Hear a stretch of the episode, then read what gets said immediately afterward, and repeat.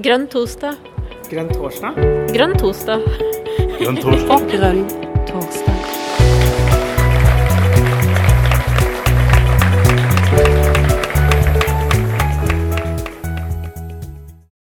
Da ønsker jeg velkommen til en ny grønn torsdag.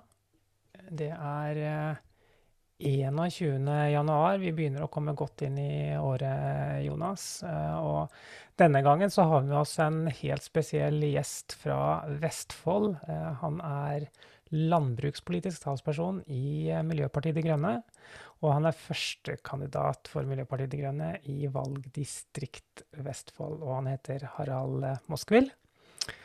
Em, og Jonas, før vi setter ordet over til Harald. eh, du har jo aner omtrent fra samme område av landet du, som, eh, som Harald er i. Eh, hvordan er det å ha Harald på besøk? Jo, jeg gleder meg. Jeg er uh, spent. Det er jo um, Vi har jo ikke vært i Vestfold eller Telemark uh, fram, til, fram til nå. Um, så jeg tror det blir bra. Og så hjelper det jo selvfølgelig at det er et uh, interessant uh, tema også. Så um, jeg gleder meg til å bli kjent med Harald og høre hva han- har å melde. Veldig, veldig bra. Harald, eh, ordet er ditt. Ja, takk. Eh, Jeg skal ta og dele litt skjerm eh, kanskje med en gang. Det skal du få lov til, vet du. Ja, eh, jeg hadde lyst til å snakke om jernbane. Eh, Mange av dere har, eller Noen av dere har hørt meg snakke om eh, landbruk tidligere. Jeg har en del interessefelter, så jeg var sånn sett litt i tvil om hva jeg skulle velge her. Eh, De områdene som jeg kanskje har jobba mest med innenfor politikken, er nok eh, på samferdsel, jernbane og eh, noen veisystemer i Tønsberg. Eh, ellers er jeg ganske opptatt av, av grønt næringsliv, så det kunne vært et tema. Eh, og jeg jobber også en del med energi, som på en måte også litt i sånne jobb, så det er litt vanskelig å velge tema egentlig. Men tanken var å snakke om jernbane, og så slenger jeg opp framtid eller historie. Jeg skal komme litt tilbake til hvorfor jeg har valgt det der. Og målet også på dette området er jo for mennesker og miljø. Eh, Men litt om meg sjøl. Nå fikk jo dere litt presentasjon. Eh, Landbrukspolitisk talsperson, førstekandidat til Stortinget, gruppeleder i fylkestinget Vestfold og Telemark. Eh, Jeg er økonom. Jeg er ikke agronom, hvis det var noen som trodde det. Det bare høres sånn ut når jeg snakker om landbruk. Det er litt gøy, for det pleier jeg å avsløre veldig seint i foredraget. Eh, Særlig hvis det er mange sivilagronomer til stede. Jeg driver et regnskapskontor og driver også med noe software mot landbruket. Jeg driver et gårdsbruk som økobonde, og så driver jeg en varmesentral. Derav så kunne vi valgt temaer på listen. Men eh, bildet er henta fra en togtur til eh, Italia. Eh, Så dette er Treni Italia, som det står på, på setet der. Eh, Så det er en av turene på kontinentet hvor vi vel har gjort en god del. Jeg har kommet litt ut av tellinga. Vi snakker vel om ja, det er tre, tre stykker som er langturer, og så er det en del i, eh, i Norden. Men jeg hadde tenkt å snakke litt om jernbane, og da begynner jeg litt med historie. Fordi det var litt spørsmål om historie eller framtid her. Og liksom, ja, den eh, starten på jernbanen i, i Norge er nok egentlig Oslo-Eidsvoll, 1854. Det var faktisk noe flere tiår før, men det var av begrensa lengde. Eh, ofte knytta til malm eller lignende. 1909 Bergensbanen ferdig, Dovrebanen 21, Sørlandsbanen 44, eh, 1962 osv. Forbi her som jeg bor, så ble jernbanen bygd i 1888-1890. Eh, og en del av traseen ligger der enda, men blir byttet ut i disse dager. Jeg har byggeområdet for jernbanen eh, bokstavelig talt på trappa. Ikke i den forstand at jeg ser byggeområdet, men anleggsveien inn til byggeområdet går rett forbi gården min. Eh, Så jeg har hatt en del møter med Bane NOR sånn i den sammenheng. Sånn sett også litt eh, både interesse og berøring. Men eh, vi er heldige, vi ligger akkurat i kanten, slik at vi får ikke direkte ulempe. Men grunnen til at jeg tok opp dette med historie, det er at i perioden eh, 1962 til 2000 så tror jeg det fantes ganske mange på Stortinget som trodde det skulle slutte med jernbane. I hvert fall oppførte seg som det. For det bygde svært lite. Og det er noe av grunnen til at vi ligger kraftig etter i forhold til Sverige og i forhold til Europa. Til sammenligning da, så har eh, Sverige 18 000 km med jernbane, og vi har 4005. Det, det sier jo litt. Uh, men det var liksom en sånn, i den perioden der så var det sånn at vi eh, jo, vi bygde litt. Flytoget ble bygd i denne perioden her. Uh, det ble bygd mot Ski og sånn. så det var noe bygging, men ganske lite. Så begynte man fra 2000 til 2018, disse årstallene skal ikke ta sånn helt presise, men i det området der så begynte man med sånn stykkevis utbygging. Da bygget man dobbeltspor en del strekninger. Eh, Drammen, eh, Drammen, til Holmestrand i, i mitt område. Eh, jeg vet ikke om Jærbanen kanskje kom med noen strekninger den perioden der. Eh, mer mot Lillestrøm. Eh, og vel også noe på Bergensbanen. Det som er problemet i den perioden der, og for så vidt problemet fortsatt, det er at det er sånn stykkevis utbygging. Og det mest eksempel, verste eksempelet på stykkevis utbygging som vi har i vårt område, det er at man bygde altså en dobbeltspor jernbane på en strekning på bare fire km, tror jeg, inn til Tønsberg. Før man visste hvilken vei jernbanen skulle gå fra Tønsberg og videre. Den dobbeltspora jernbanen er åpna og er i bruk, men det er ikke installert nytt signalanlegg der, så man kan ikke, kjøre, man kan ikke møtes der. Det er et eksempel på sånn type jernbaneutbygging som faktisk ser en del av rundt i, i landet vårt. Eh, liksom fra 2018 eller kanskje 2015 området der, så har man på en måte fra Stortinget sagt at vi skal bygge jernbane. Eh, og, og, regjeringen som vi har nå, skryter jo voldsomt at de har økt bevilgningen til jernbane ganske mye. Eh, og det er, jo, det er, jo, lett å lage seg sånne prosenter på økning når du begynner omtrent på null. Eh, fantastisk, og du kan få til av prosentøkning da. Eh, men det som på en måte har skjedd, grunnen til at jeg setter 2018 her, eller 2019 kanskje, det er at eh, nå har liksom summen blitt, begynt å bli såpass stor. Han er fortsatt mye mindre enn vei. Men allikevel har summen blitt såpass stor at nå har vi funnet ut fra regjeringens side at nå skal vi gjøre det billigere. Eh, og det gir seg forskjellige utslag. Eh, her i Vestfold har det gitt seg utslag i at eh, vi valgte en trasé forbi Horten, eller forbi der jeg bor, eh, som skulle redusere bruken av matjord ganske betydelig. Og så begynner vi å regne på dette, og så finner vi ut at dette blir for dyrt, det blir for mange tunneler. Så vi dropper de tunnelene, og så flytter vi det ut på jordet igjen. Og Det gjorde da etter at traseen var valgt. Og Det er et eksempel på at man da har valgt å bygge billig. Eh, og så har man da laget seg forskjellige planer som sier at ting skal være ferdig i 2030, 2032 osv. Men disse prosjektene blir liksom nå ganske systematisk utsatt pga. penger. I kombinasjon med at regjeringen skryter at de satser voldsomt på jernbane. Grunnen til at det går en del penger til jernbane akkurat nå, er at det er relativt mange prosjekter parallelt. Men allikevel så er det også fryktelig mange prosjekter som blir skyvet på. Eh, og dette gjelder jo på en måte hele, hele Norge. Det gjelder, eh, det gjelder, både Bergen, Stavanger, Trondheim, Oslo, hvis du tenker liksom utgangspunkt fra de byene.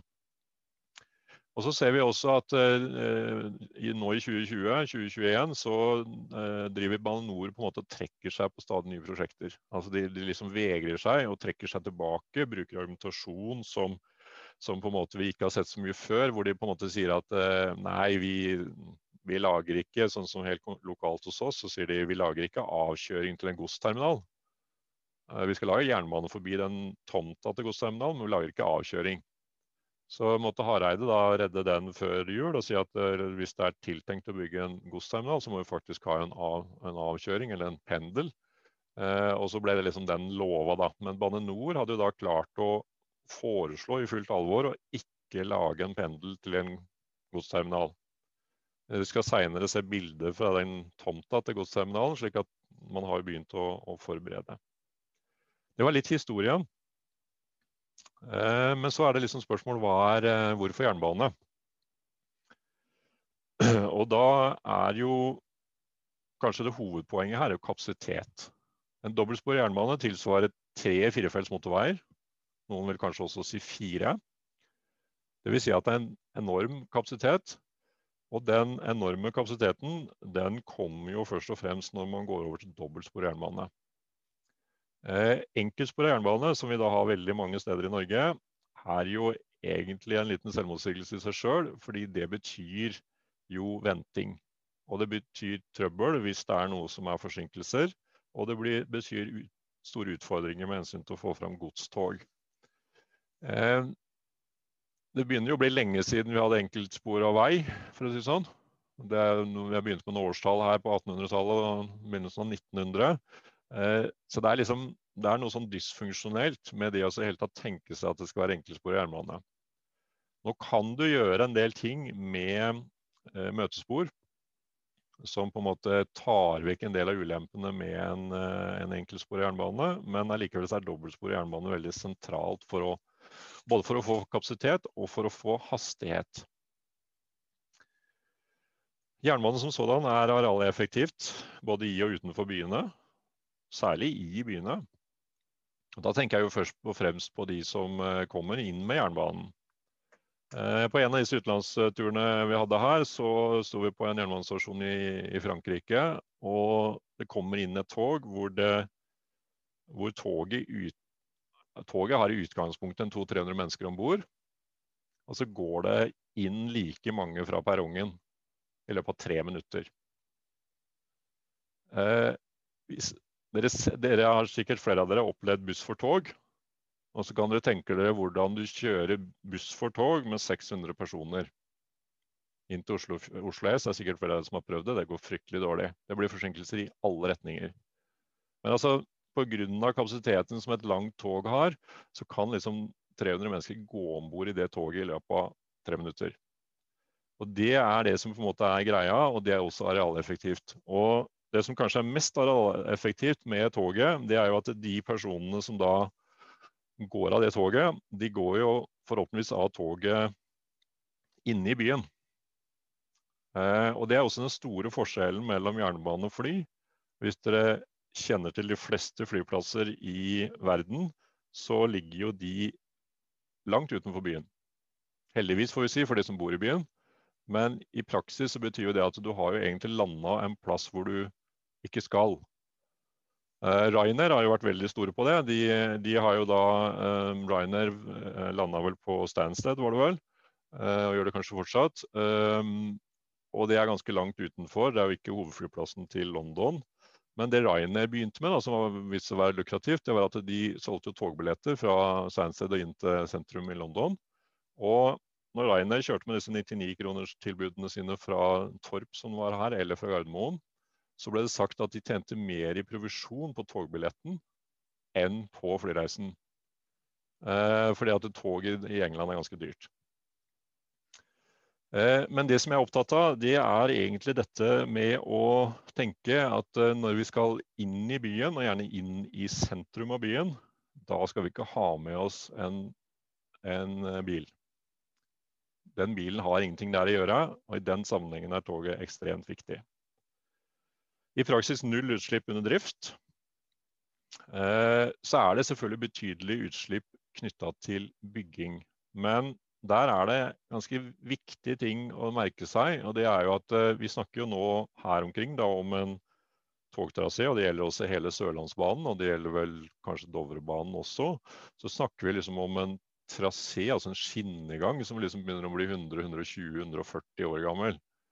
Eh, og det vil jo si at En del av liksom disse terrengkostnadene for å si det sånn, de har ekstremt lang varighet. Men så er det en annen ting som også er interessant, og det er levetiden på togmateriell. Eh, og da, det, da kan vi f.eks. snakke om godstog. Eh, hvor liksom 40 år på et lokomotiv, ja det går fint. Det er ikke noe problem. 50 år også. Eh, og på disse trallene som godstogene bruker, som du setter en container oppå, så var det vel faktisk opp i 70 år. Som går i dag, og som henger på et godstog i dag. De bytter lager og tar vedlikehold, og så kjører videre. Eh, og Hvis du sammenligner det med en lastebil som kanskje har en effektiv eh, tid på åtte år, så får du noen ekstremt spennende regnestykker i sammenligning mellom gods og vei. Som i utgangspunktet ikke er med i, diskusjonen, fordi vi snakker bare om drivstoffet. Eh, så det er eh, interessant. Og jeg har i egenskap Nå glemte jeg å si hvilke roller jeg har. Jeg nevnte jo noen av de, men i tillegg til fylkestinget eh, så sitter jeg, sammen, sitter jeg, i et utvalg som heter Jernbaneforum Sør. Som er et samarbeidsorgan for fylkene Vestfold, Telemark, Agder og Rogaland. Og som har da på en måte fokus på jernbanen fra Stavanger til Oslo. I tillegg så sitter jeg i et forum som heter Lyntogforum, som uh, har til formål å jobbe for høyhastighetstog til mellom Oslo og Bergen og Stavanger over Haukeli. Så det er også litt av grunnen til at jeg er opptatt av tog, for jeg har da på en måte kommet meg inn i disse organene. Men i forbindelse med de rollene jeg har der, så har jeg stilt spørsmål når man driver regner ut hva som er samfunnsøkonomisk lønnsomt. For det gjør man i forbindelse med utredninger. Vi har sett det nå på Nord-Norge-banen, det kunne vi hatt et eget foredrag om. Eh, men vi ser det også for deg, eh, Jonas, som kom fra Bamble. Eh, så ser vi det på sammenkoblingen mellom Vestfoldbanen og Sørlandsbanen. Der har laga en konsekvensutredning. Og jeg har og, nå har jeg kommet helt til bunns i den, men jeg har prøvd å grave i den og se hvordan er det dere regner dette. Hvordan har dere regnet ut? Eh, og der er det fryktelig interessant å snakke om levetid. Det kan vi ikke gjøre i dag, så vi må gå litt videre. Jeg har snakket litt om å få toget inn i sentrum. Dette er eh, Holmestrand jernbanestasjon, som ble bygd for noen år siden. Eh, som alle syns ble veldig flott, men alle syns også ble veldig dyr. Men det er en fantastisk stasjon med hensyn til at han ligger rett ved bysentrum. Går du ut i den ene enden av stasjonen, så kommer du til sentrum, rett og slett. Og går du ut i den andre, så kommer du til busstasjonen. Eh, så Det er et veldig godt eksempel, og da blir jernbanen ekstremt effektiv. Og den fjerner behovet for bil. Og så er det en annen ting som jeg er opptatt av, og det er at eh, man har veldig lett for å tenke på jernbane kun som arbeidsreise. Men jernbanes eh, bruk fritid er veldig interessant. Eh, og det funker, begynner å funke når toget kommer inn i sentrum. Altså, du kan gå da til konsertlokalet eller til kinolokalet eller restauranter eller hva det måtte være, eh, til og fra toget, og så kjøre videre til neste by. Eh, og Det er faktisk også noe av det som har fascinert oss med å reise med tog i Europa. Det er jo at vi nesten uten unntak så lander vi jo midt inne i byen. Vi er så til de grader midt i byen.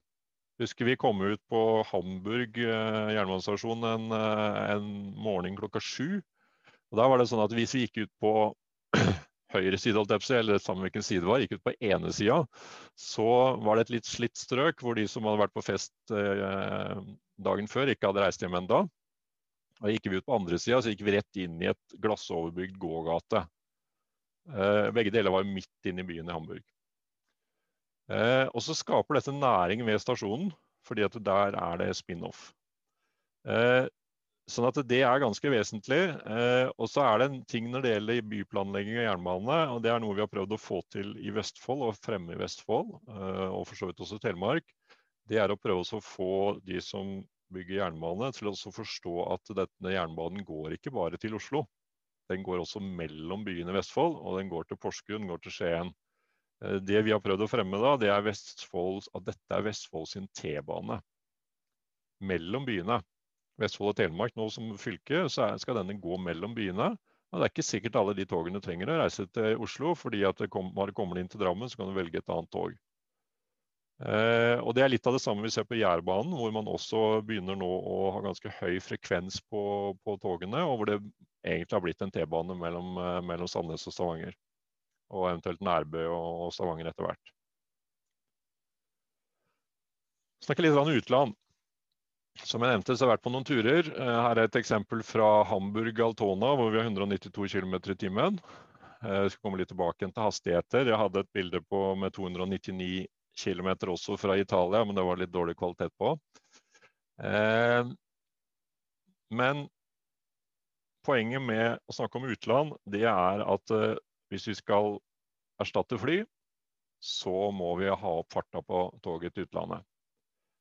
Eh, I dag så er det pinlig å være norsk om bord på et tog som kommer inn fra Sverige. Nå er det vel De fleste av de som reiser sammen med er da for så vidt norske, men problemet er at når du har da reist fra København til Gøteborg, som jeg husker ikke akkurat tida, men det tar ikke veldig lang tid, for der går det et hurtigtog med relativt høy hastighet. Eh, så kjører du fra Göteborg til eh, norskegrensen, og så virker det som det er en eller annen som har dratt i bremsen. At noe skikkelig i bremsen, for det, det, går altså så sakte at hvis du står i døra, så kan du liksom se rådyra gå på utsiden.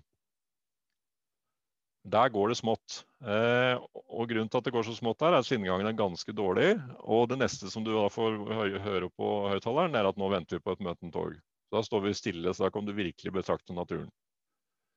Og Det er da inn fra Gøteborg, men vi har jo akkurat det samme i, litt lenger nord. Når du kommer inn til Kongsvinger, så opplever du akkurat det samme.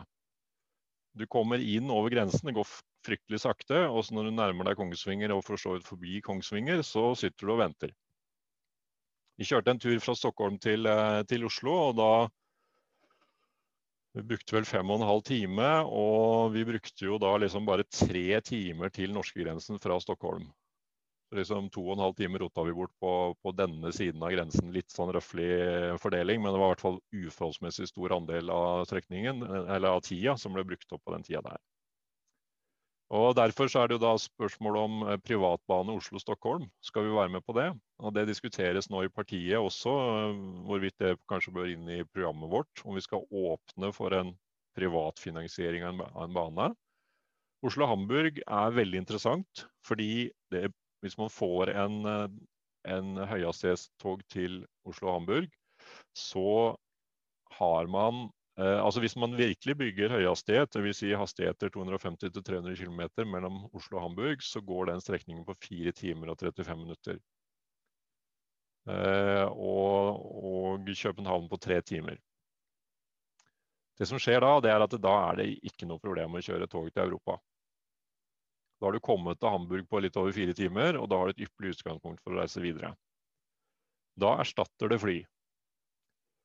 Eh, og litt under her så har vi tatt et eksempel fra Den internasjonale jernbaneunionen som sier at eh, hvis toget tar fire-fem timer, da, som da Oslo-Hamburg vil gjøre, så tar du en 30-40% andel av flytrafikken. Altså da flytter du en 30-40% over fra flytrafikken. Går toget ned på tre timer, altså hvis strekningen du skal reise er tre timer, så tar du 50% Og er du helt nede på to og en halv time, så, så begynner du altså å nærme deg 75-80% markedsandel som toget overtar fra fly. Fordi toget er så mye mer effektivt. Fordi du starter og kommer fram midt i byen.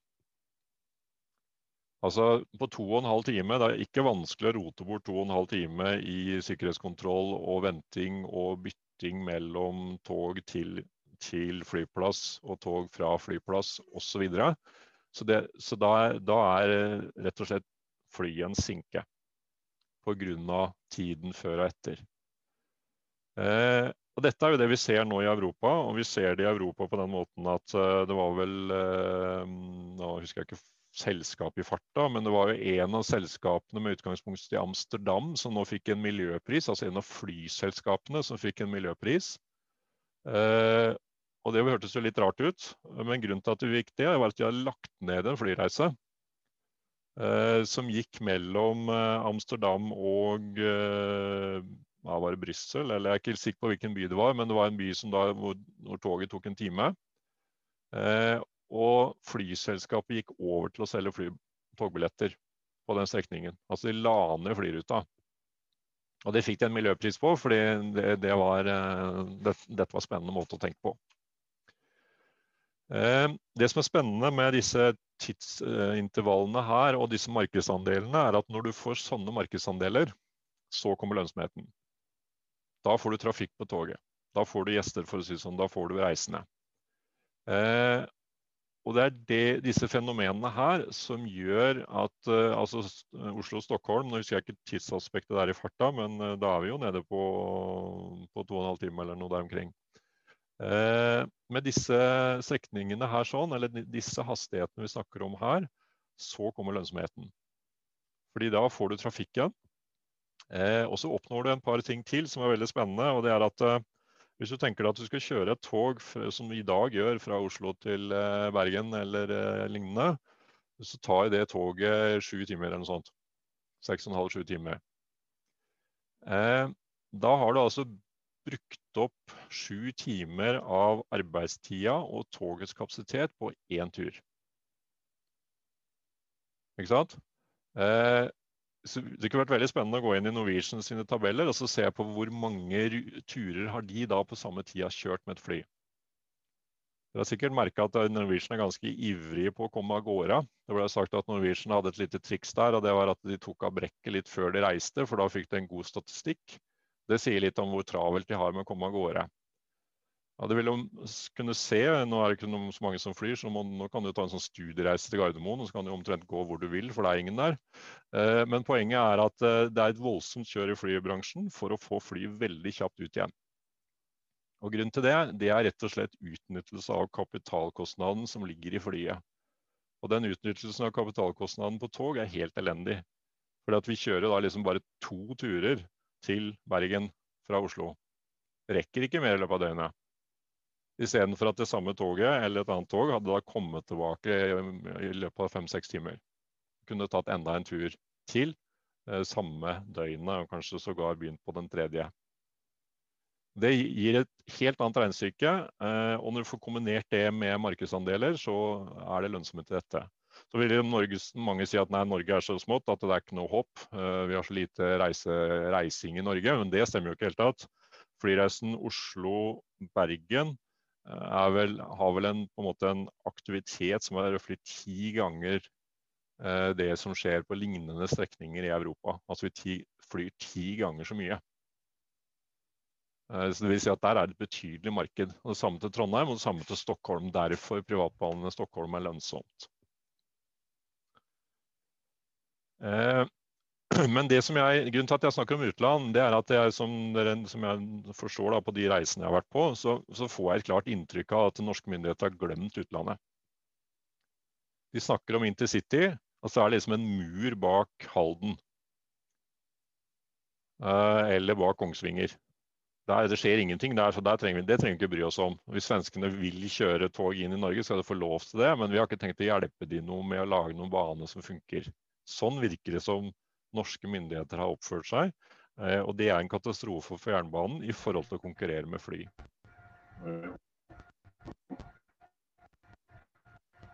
Da skal vi gå litt videre. Var det noen som prøvde å ta ordet her? Nei. Jeg har snakket litt om hastigheter. Um, hastighet 250 km oppover er vel det vi kan kalle for høyhastighetstog. Um, og vi har vel i Norge så har vi da flytoget som går sånn rundt 200 km i timen. Eh, og på Vestfoldbanen eller mellom Drammen og Sande så er også toget oppe mot 180 km i timen i dag på helt vanlig rute. Og Det kommer relativt kjapt opp den hastigheten. Vi har bygd en del jernbane i Norge for 250 km i timen, men av en eller annen merkelig grunn så driver norske tog og bestiller tog som går saktere. Ikke spesielt framtidsretta, men de syns det er sånn passelig at de kan gå i 160-200. Paradokset her er at 160 km i timen ikke er spesielt fort for tog. De gamle toga som vi nå bare har noen få igjen på Østlandet, eh, går jo også i 160. Eh, så her er en missing link. Det, dette tror jeg er eksempel på det jeg innleda med, at man prøver å gjøre ting billigere. Man driver og sparer litt her og der. Så sparer man på merkelige plasser. Men så er det spørsmål hvordan skal man tenke seg å bygge høyhastighetsbane? I Frankrike så er det samme linje som lokaltog. Husker vi sto på en stasjon i Frankrike en gang hvor, hvor vi skulle ta et lokaltog. Og så fikk vi melding over høyttaleren at nå var det forsinkelser. Eh, og det som skjedde når forsinkelsen var løst opp, det var at det kom tre hurtigtog etter hverandre. For de hadde jo kjørt inn alt som var annet tog, og sto da og venta på proppen som var i systemet. Og så sveipa de forbi. Og de fikk ikke vi lov å gå om bord, så de bare føyk forbi, men de kom da på løpende bånd. Så det var helt åpenbart at de kjørte på samme. I Italia så ser vi eksempler på at du har helt linjer som er helt uavhengig av lokaltoget. Der har de helt parallelle toglinjer. Eh, og vi kjørte en eh, togtur fra Napoli til eh, Milano. Strekning, en ganske lang strekning, vi snakker vel om 70 mil eller sånn, på under fem timer. Og den traseen er da helt uavhengig av lokaltoget. Så er det spørsmål skal vi gjøre dette i Norge eller ikke. Skal vi gjøre dette mot Sverige? Skal vi gjøre dette mot kontinentet? Det er en diskusjon. Men det som er interessant med å tenke eh, sånne løsninger, det er jo at det lokaltogsstrekka den fungerer som en mating av det andre toget. Og lokaltogstraseen kan også fungere som godstrasé. For godset er ikke avhengig av den hastigheten, men de er avhengig av framkommelighet. Og framkommeligheten vil jo da på en måte øke hvis du har, av, har flyttet en del av togene over på nye linjer. Men eh, vi skal snakke litt om natur til slutt, og da kan selvfølgelig det bli en diskusjon. Ja, jeg hadde tenkt å holde på litt til, og så skal jeg åpne for litt spørsmål og sånt eh, etterpå. Så kan vi diskutere litt, men jeg hadde lyst til å snakke om gods. Eh, Carionet, en av aktørene i, eh, innenfor gods, uh, har gitt meg litt, uh, noen slides her som jeg har uh, lånt. Og hvis vi tar et godstog som kjører på strekningen Narvik til Alna, Alnabru i Oslo og Da måtte jeg inn og google litt og lure på hvilken vei kjører den. For det går ikke tog til Narvik mellom Bodø og Narvik. Nå vet jeg ikke om vi har med oss noen fra området her i dag, men eh, det er vanskelig å komme fram med tog mellom Bodø og Narvik. Men via Sverige så går det. Så dette godstoget går altså via Sverige. Det godstoget erstattet 32 lastebiler, og disse ville brukt 272 fat med olje eller diesel. Cargonet kjører tre tog i døgnet på den strekningen, dvs. Si at det er betydelig transport her. Eh, og sparer miljøet for 800 fat. 38 tonn utslipp i døgnet. Dette går i dag. Så har vi Sørlandsbanen. Litt snodig eh, slide jeg har fått her, men allikevel. Sørlandsbanen, der er vi ett tog som kan erstatte mellom 24 og 36 vogntog. Disse er ikke helt like, for det kommer litt an på togene. Det er spørsmål om de er 640 eller 740 meter lange og sånn. Eh, disse vogntogene vil brukt 570 liter tur-retur Oslo-Stavanger. 20 000 liter for 36 vogntog. Dette sparer klimaet for 59 tonn på én tur, eller på, på, på tur. Eh, og her går det da fem tog i døgnet i dag. Som sparer 73 000 tonn CO2 i forhold til å ha dette på lastebil. Her er det mulig å doble, og med, det er mulig å doble uten å forandre traseen. Det er litt interessant. Fordi her er traseen god nok til å ta disse godstogene. Eh, med noen tiltak eh, hvor det er snakk om å gjøre noen endringer slik at man kan eh, forlenge togene litt, slik at man kan kjøre med lengste toglengden osv. Så, så er man oppe på en, på en trippel, altså da er man på 200 000 tonn i besparelse på utslipp. Og dette er bare én banestrekning i Norge. Og her kan godstoget så til de grader gjøre en forskjell. Men gjør vi det? Liten grad. Så har dere kanskje hørt om at jo, nå skal vi satse på gods på bane. Det blir jo sagt, og det er mange, alle er enige om at det var en god idé. Ikke Kjempeidé. Eh, å satse, det vil jo si at ja, da kanskje vi går opp fra fem til seks tog hvis du er heldig. Eh, men vi har ikke tenkt å gjøre noe med traseen. Eller vi har ikke tenkt å Vi har f.eks. ikke tenkt å gi det toget noe prioritet. Så hvis dette godstoget skulle komme litt ut av kurs, så må de bare vente. For det, i Norge så er det ingen prioritet for gods. I Sverige så er det omtrent likestilt prioritert mellom gods og passasjer. Eh, og Det er noe av problemet med gods, og det er at eh, prioriteten på linjene er så dårlig at eh, godset kommer for seint fram. Men linjene er egentlig gode nok. Og det var for meg en ny opplysning som var interessant.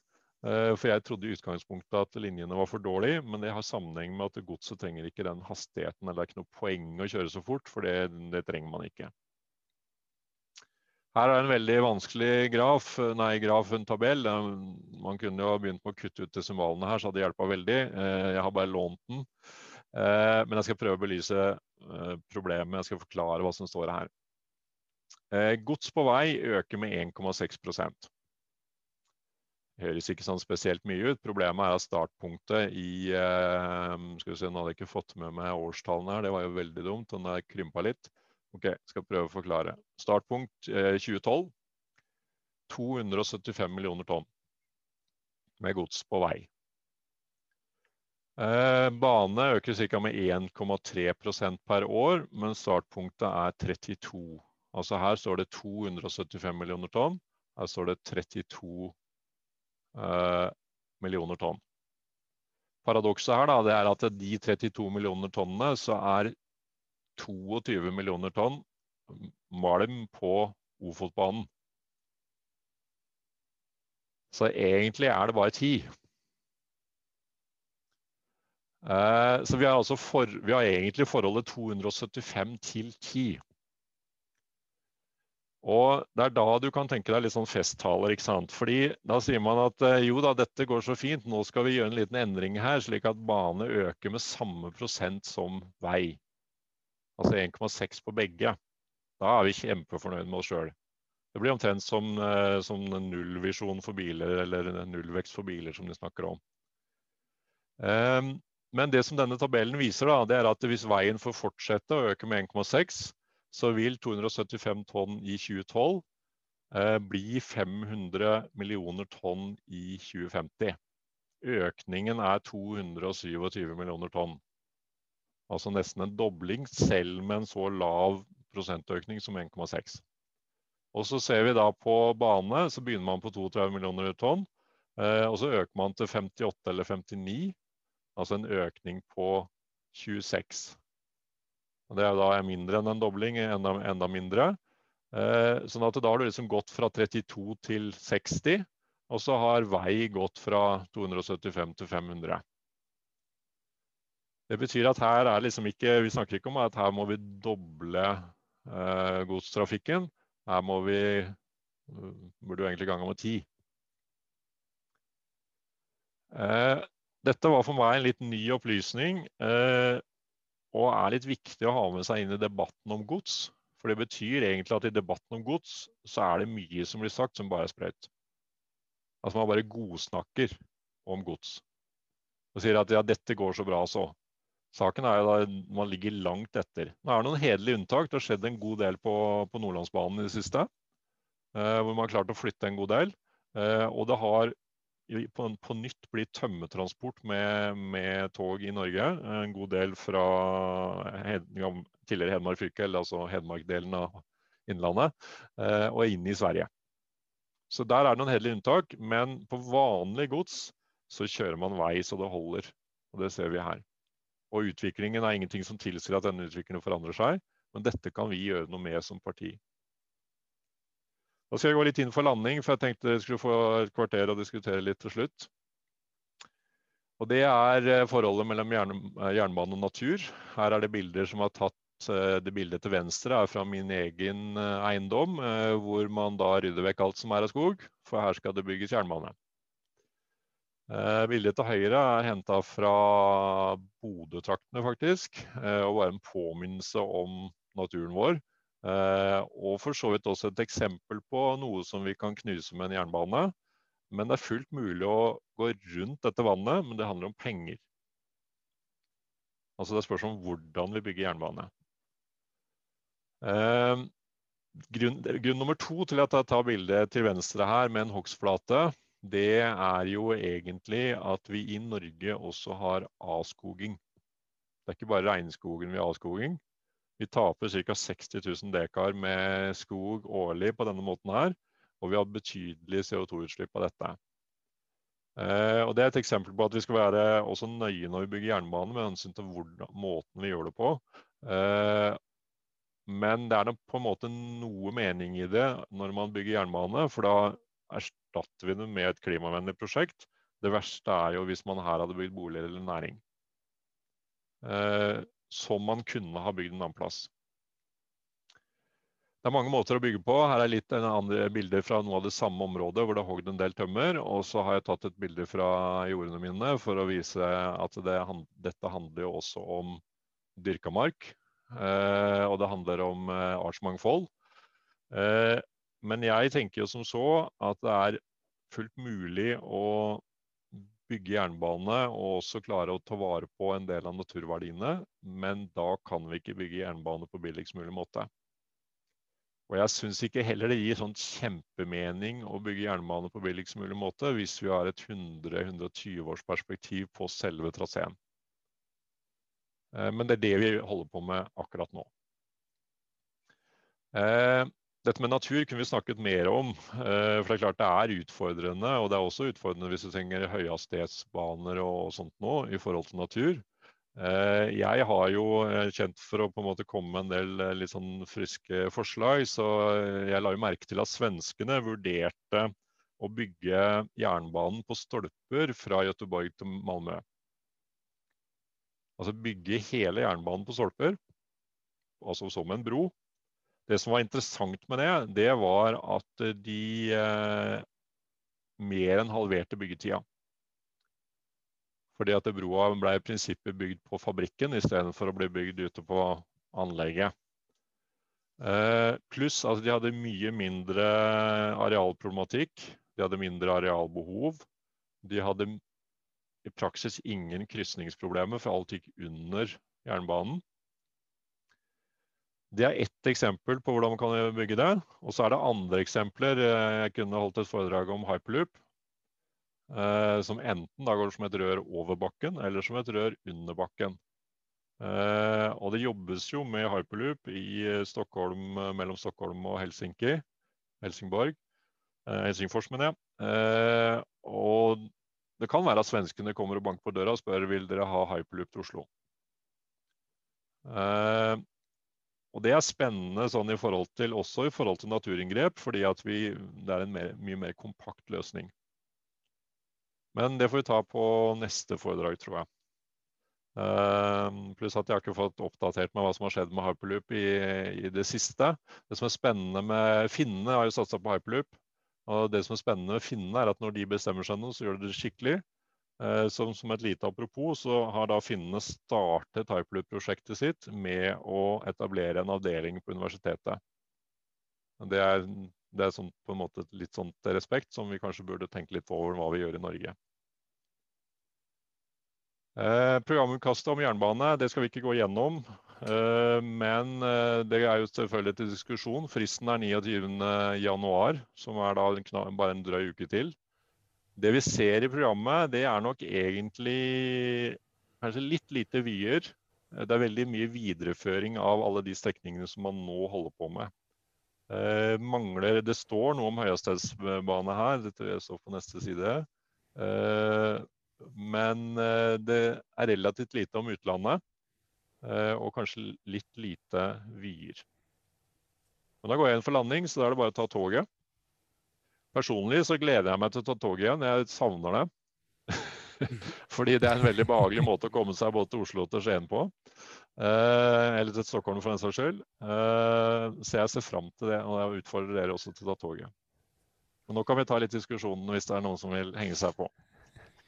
Tusen takk for en god eh, innledning, Harald. Det er eh, folk som gjerne vil være med i diskusjonen. Eh, det er bra. Dere kan eh, rekke opp handa hvis dere vil ha ordet, og så skal vi gi dere det. Og den første som har opp med handa, det er Gabriel Kielland. Vær så god. Ja, takk skal du ha. Det er eh, Jeg er veldig for at vi får en ny hurtigtogsforbindelse mellom Oslo og Stockholm. Men jeg ser at eh, lokalt så har vi problemer med å fremme den, fordi MDG alltid havner på vern. Det, det, det er det største problemet. Vi kan, hvis vi ser det utenfra, så kan det være veldig bra med jernbane, men vi havner alltid på, på vern. Det er vern av natur. Og det, det største arealproblemet vi har, det er deponier. Og det er da fordelen med å ha Stockholmbanen over vårt område, er at det er mange tunneler. Og da blir det også behov for store deponier. Så det, så det er et dilemma på hvordan vi skal håndtere den saken. Uh, men det samme har vi jo da. Den mest aktuelle jernbanestrekningen til utlandet er jo Rovaniemi i Kirkenes. Og der er det da uh, reinsnæringen som er den viktigste opposisjonen. Så det er samme problemstilling du har der. Eller så er det jo da at eh, for det første så er det jo konkurrering med fly som er det viktige, men det andre er også å bevare lokalbanen. For den måten Jernbaneverket utbygger Kongsvingerbanen på nå, er jo å prøve å gjøre den raskere. Og Det var jo også noe som du klagde på at den ikke var rask nok i Norge, men det gjør det jo da ved å legge ned, legge ned stasjoner og rette ut banen sånn at det går raskere på bekostning av lokaltrafikken. Så, så, så det, er, det, er, en veldig viktig sak. Men jeg ser ikke at MDG greier å være den som eh, fronter saken, fordi det er store arealkonflikter samtidig. Hva syns du om det? Ja, jeg kjenner, kjenner, det. Og jeg eh, stilte meg for så vidt også litt spørsmål eh, Jeg snakket vel med Benedicte tidligere i dag om programmet. Eh, og da stilte vi oss akkurat det spørsmålet om grunnen til at det, den, det kapittelet i programmet på en måte er relativt forsiktig.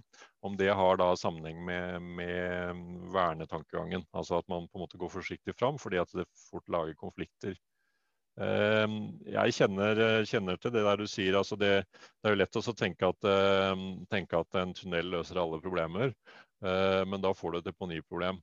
Eh, nå er det jo det å si, og, og kanskje faktisk med jernbanen så er det også et problem, og det er at tunnelsteinen ikke er så veldig godt egnet til å bygge jernbane med. Det er jo et kjempeparadoks. Eh, du skulle jo i utgangspunktet tenke at du trenger, som, trenger all den steinen du kan få. Eh, så, så, det er, eh, så, det er, store utfordringer her. og Det er jo derfor også på en måte kanskje kun, kan vurdere da også bygge på, på stolper, da, som jeg var inne på. Altså, eller andre metoder. Altså for rett og slett bokstavelig talt redusere fotavtrykket. Takk, Harald. Gabriel, ønsker du å følge opp eh, den, eller? Nei, Det er jo kurant svar. Det er jo vanskelig å ta debatten videre på noe vis. Men uh, det er veldig viktig uh, Du skal jo på Stortinget nå. Det er veldig viktig at uh, du holder hyperloop-forslaget vårt varmt. At ikke det bare blir drukner som en tilfeldig sak fra talerstolen. Det, det er i hvert fall en sak som vi må fronte. Det syns jeg var en meget god oppfordring. Bjarne har også bedt om ordet. Vær så god. Ja, hei sann. Um, Jo, takk for flott presentasjon av eh, Moskvil. Det var jo veldig flott eh, med mye tall og informasjon, og spesielt om gods. Og, eh, hvis jeg skal ta et konkret punkt da, med, i forhold til arealbruk og, eh, og bevaring av natur. Se, du Moskvil, ser du den linken jeg sendte deg? Kan du, se, kan du vise den på side tre? Kan du trykke på den og vise side tre på den? Eller, og, og, altså dele den? Skal vi se om jeg kan få til det. Skal vi se, er du på um, Stopp, ja. Ja nå, ja, nå, viser du side tre. Der, der, ser du det, det, øverste bildet der. Så ser du at for den presentasjonen har jeg laget. For det finnes jo andre alternativer enn For du snakket om hyperloop. Men eh, det finnes faktisk òg ferdig laget, testet og utviklet og ferdig godkjent for transport i Europa og Kina, for den saks skyld eh, både tysk maglev-teknologi og det andre land òg har jo, både Japan og Kina har jo ja. laget dette. Så, så, der ser du, på, den, på, det bildet du ser øverst der, eller dere alle sammen, så, så ser du at eh, det tyske Transrapid maglev-toget eh, på Påle, det bruker bare Det er jo bare punkter i bakken. sant? Så, ja. Du nevnte jo det for så vidt sjøl òg. Men eh, så, så, den bruker bare to kvadratmeter per løpemeter. I forhold til den eh, det, det, er mulig, det, er mulig, det er bilder fra Frankrike, men det er i hvert fall et høyhastighetstogsystem. Det bildet til, til høyre. Mm. Og, det, og det har gjerne en bredde på kanskje 26 meter, altså 13 ganger mer eh, arealbruk enn på Påla. Og, og, og, dette nevnte jo du for så vidt sjøl òg. Eh, men jeg bare slenger inn det at hvis du bygger vanlig For å ta det punktet med arealbruk og naturødeleggelse, eller, eller, eller vern av natur, da. Og, eh, så, så eh, hvis du hever vanlig jernbane, altså, eller på, at det går på påler, sånn som du nevnte, så bruker det en mengde betong som er fem ganger mer enn det tyske systemet her. da. Eh, og da bare Wow. CO, betong, CO2, arealet arealbruk, naturvern. Har du en kommentar? ja, eh, det der er veldig interessant. Eh, for det var jo det jeg nevnte her. Og jeg tenker jo at eh, straks vi skal begynne å tenke egne høyhastighetsbaner, så må vi også tenke denne teknologien. Denne type teknologi. Altså det å løfte det opp. Eh, fordi at eh, da vil altså Når du på en måte begynner å snakke om egne baner og begynner å snakke om høye hastigheter, så er du veldig avhengig av rette linjer. Heller altså lite kurvatur. Og da vil jo det å løfte det opp være veldig positivt. Og det er jo som du sier, altså arealbruken her er jo fantastisk. Jeg har jo også sjøl fremma politisk et annet prosjekt som kalles for Skytran. Eh, som er en svevebane. Men det, da, det, vil da på en måte egentlig være en sånn tilførselsbane, gjerne typisk inn til jernbanen. Men den har jo samme fenomenet som den vi ser på bildet her, at den har ekstremt lite fotavtrykk. Altså Du kan i prinsippet tenke deg at han står, han står der som gatelyktene står på en vanlig vei. Eh, og så henger det vogner under der. Eh, så jeg jeg savner jo for så vidt, og det kan jo vi gjerne gjøre, savner jo også denne debatten i Norge. Fordi at vi tenker ekstremt tradisjonelt med hensyn til jernbane. Og jeg ser jo det som vi ser nå i eh, byggeområdet som vi er nå, da, det er at vi snakker om 28 meter eh, jernbanebredde. Eh, og så snakker vi jo da om anleggsområdet som er omtrent det dobbelte av det. Enorme inngrep. Det er anleggsvei på begge sider, ikke sant? og så har du inngrep utover det igjen. slik at du begynner, Mange steder hvor du er over det dobbelte av 28 meter. Jeg, jeg kan jo bare slenge på at eh, kurvaturen, da, altså det tyske Maglev-systemet, tar jo kurver på en mye tøffere måte enn vanlig jernbane. Fordi ja, det, det kan legge over svingene. Det har du rett i. Det, det er Pga. Teknologi, teknologien så gjør det det. Veldig, veldig bra. Eh, Benedikte, du har også bedt om ordet, og det skal du få. Tusen takk. Eh, veldig interessant, eh, Harald. Du har gitt oss en hel, veldig god oversikt over problematikken. Jeg er førstekandidat i Østfold, og Østfold utgjør jo faktisk hva skal jeg si for noe, tommelen på Norge i retning den som peker aller mest i retning Europa. Og jeg tenker, vi, jeg tenker at strekningen Oslo og Gøteborg slash videre til København og Nord-Europa er jo kanskje den viktigste samferdselsstrekningen, transportkorridoren i hele landet. Fordi det er, noe, det er, mindre verdifullt å snakke mye om transport internt i Norge hvis vi ikke har en vei til og fra Norge som faktisk funker for både det vi skal eksportere og det vi skal importere, og folk som da heller vil reise med tog enn eh, med fly f.eks. Så, så vi i Østfold, vi er litt, veldig mange av oss er litt over gjennomsnittlig interessert i jernbane, vi òg. Det kommer til å være en kjempeviktig sak i valgkampen. Uh, og er, jeg mener at uh, vi skal snu oss rundt, vi i MDG, og ta den ballen. Vi skal synliggjøre for alle at uh, tog er av samferdselsmåter tross alt den aller mest effektive arealmessig. Særlig hvis vi får den på påler. Og den er helt klart den absolutt mest energigjerrige. Så det betyr at selv om ja, noe natur må muligens gå, så, eller matjord, så har vi likevel vesentlig mindre arealbruk med bane enn vi har med eh, vei. Og vei kommer til å måtte bli, være et press på å bli bygd ut hvis vi fortsetter disse tallene sånn som Harald viste i stad. Og særlig når eh, vi, ja, særlig gjennom Østfold, faktisk. For det er, over, det er 2500 vogntog i døgnet som går over Svinesundbrua, som skal innover og oppover i Norge. Og det, hvis vi kan få over en vesentlig del av det på tog, så har vi spart Eh, trøkket på, på, vårt areal, i hvert fall vesentlig. Så vi i Østfold vi, vi, er en gjeng som jobber med togresolusjon. Vi syns at, eh, som Harald også var inne på, at det togprogrammet vi nå ligger an til å vedta, er dessverre altfor tynt. I Østfold så er intercitysatsingen nå helt i stampe. Den har, bare for å bruke som et eksempel, i Moss, der hvor jeg er folkevalgt, der, eh, da vi vedtok eh, jernbanetraseen på 10 km gjennom Moss, som ikke kommer til å gi noe kjappere reisetid eller noe som helst, så skulle den koste 6,5 milliard. Eh, nå, fire år etterpå, så er den oppe i 13,7, og det er før vi Altså 13,7 milliarder, det er over en dobling, altså, folkens. Og det er før vi har fått uh, den siste rapporten fra Bane NOR som skal frigis neste uke, som viser kvikkleireforekomsten i Moss havn. Og Det er ikke småtteri, og det kommer ikke til å være noe billigere etter at den rapporten er lagt fram, for å si det pent. Så milliardene de flyr, og vi får ikke noe bedre jernbaneløsning med den intercity-planen som ligger nå. Så vi må tenke nytt. Vi må utvide jernbanesatsinga gjennom Østfold retning Europa med å supplere med høyhastighetslinje i tillegg. Så vi får både bypass-løsninger inn til bysentra, for det er klart det er viktig for de lokale reisende mellom byene. Men vi må ha på plass et ordentlig togtilbud for de som skal reise lenger til erstatning for fly, og så vi kan fremføre gods mer effektivt og konkurransedyktig i forhold til det som er på vei nå. Så jeg ønsker at vi liksom tjohei, nå skal MDG være det partiet som viser at vi er de mest miljøvennlige, vi er de mest klimavennlige, vi er de som ser at samferdselsframtida i Norge er å satse på tog. Og det må vi gjøre ordentlig og ekte og ærlig og kunnskapsbasert. Og være litt moderne og ikke bare fortsette å fremføre noe som ble vedtatt på 90-tallet. Og fordi vi har kommet så langt og så godt i gang, så kan vi ikke stoppe det. Når vi ser hvor dyrt det blir, og hvor upraktisk det blir, og hvor lite det faktisk løser.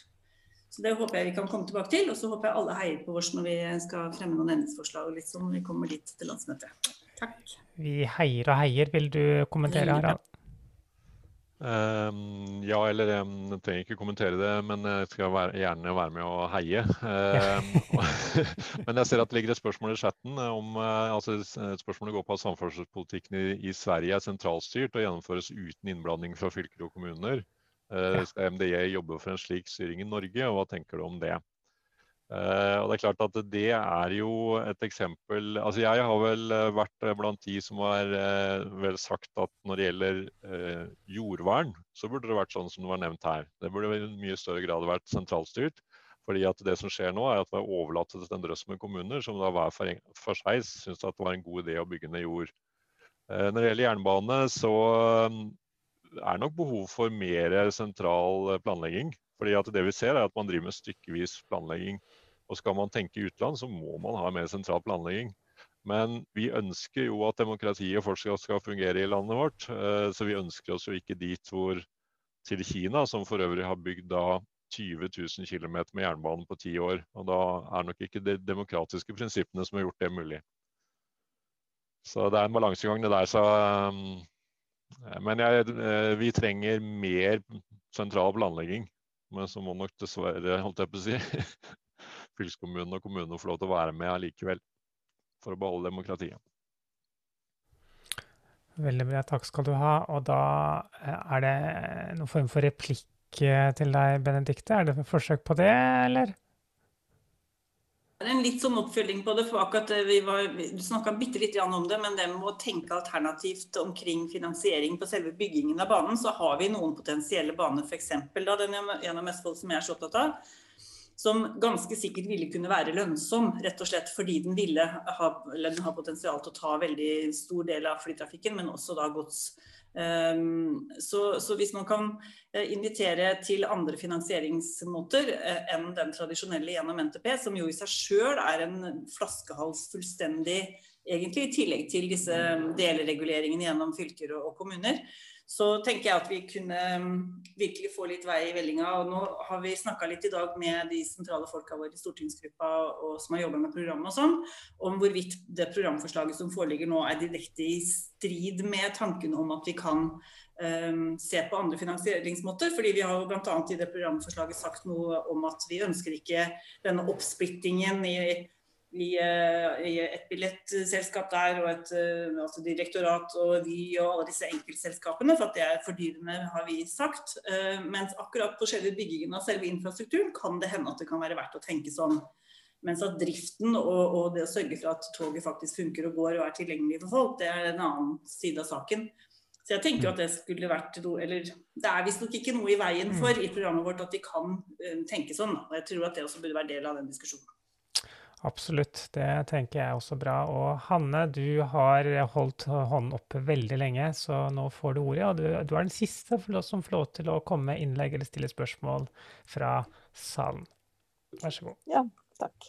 Ja, det var en kommentar til Benedicte om gods eh, gjennom Østfold. Jeg sitter vara i Jernbaneforum for Røros- og Solørbanen.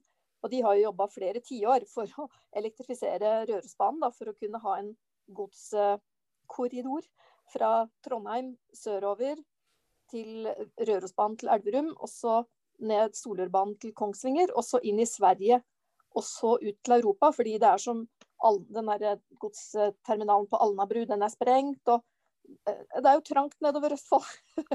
så det er jo noe man ikke må Så gods kan jo gå den veien, og så kan man jo konsentrere seg på rask persontrafikk eh, gjennom Østfold, da eventuelt. Og så var det et spørsmål til Harald. Jeg lurte på eh, Oslo-Trondheim, nei, Oslo-Stockholm. Eh, om man skal ha sånn stolpetog, eh, kan man legge det over bilvei, eh, sånn i prinsippet? Og nummer to, er, det, er den veien Den er vel ikke rett nok, selv om jeg syns den er ganske rett? For den går jo da gjennom bysentrum, sentra. Må man legge sånn stolpetog litt mer sånn utenfor folk for ikke å drepe dem? Takk.